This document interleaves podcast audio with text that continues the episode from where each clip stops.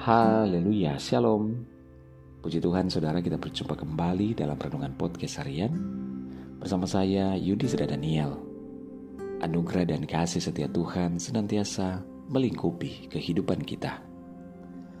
Renungan kita pada saat ini berjudul Berperang untuk menang. Bacaan firman Tuhan dalam Roma 8 ayat 37 Firman Tuhan berkata tetapi dalam semuanya itu, kita lebih daripada orang-orang yang menang oleh Dia yang telah mengasihi kita.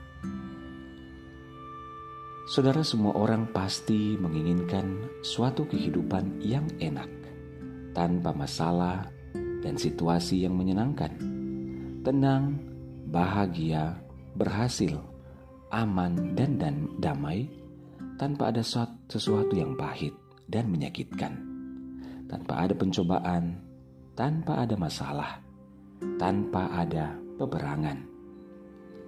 Adakah kehidupan yang demikian di dunia ini? Saudara, ini sesuatu kehidupan yang sungguh sangat tidak realitas.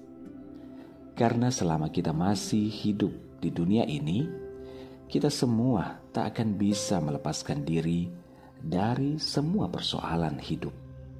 Hidup tanpa masalah sedikit pun hanya ada ditemukan di negeri dongeng.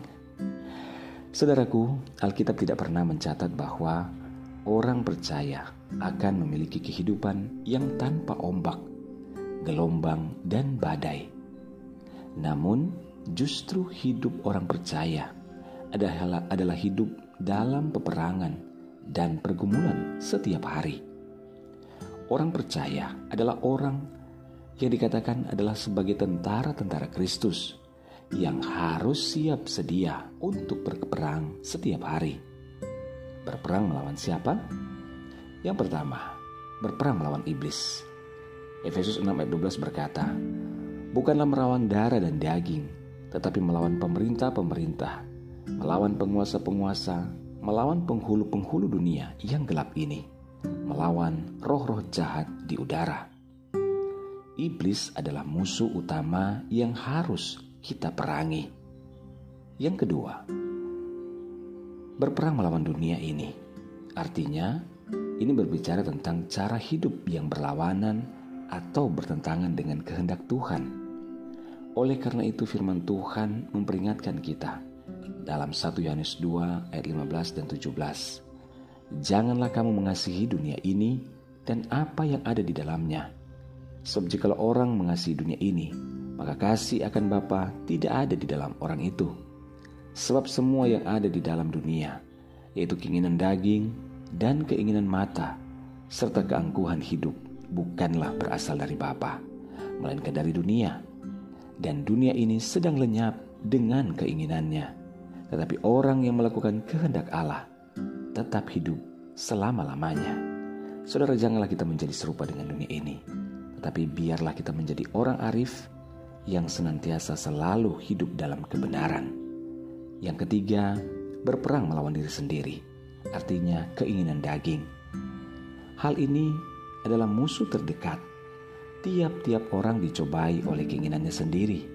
Firman Tuhan dalam Yakobus 1 ayat 14 dan 15 berkata, Karena ia diserat, diseret dan dipikat olehnya, dan apabila keinginan itu telah dibuahi, ia melahirkan dosa, dan apabila dosa itu sudah matang, ia melahirkan maut.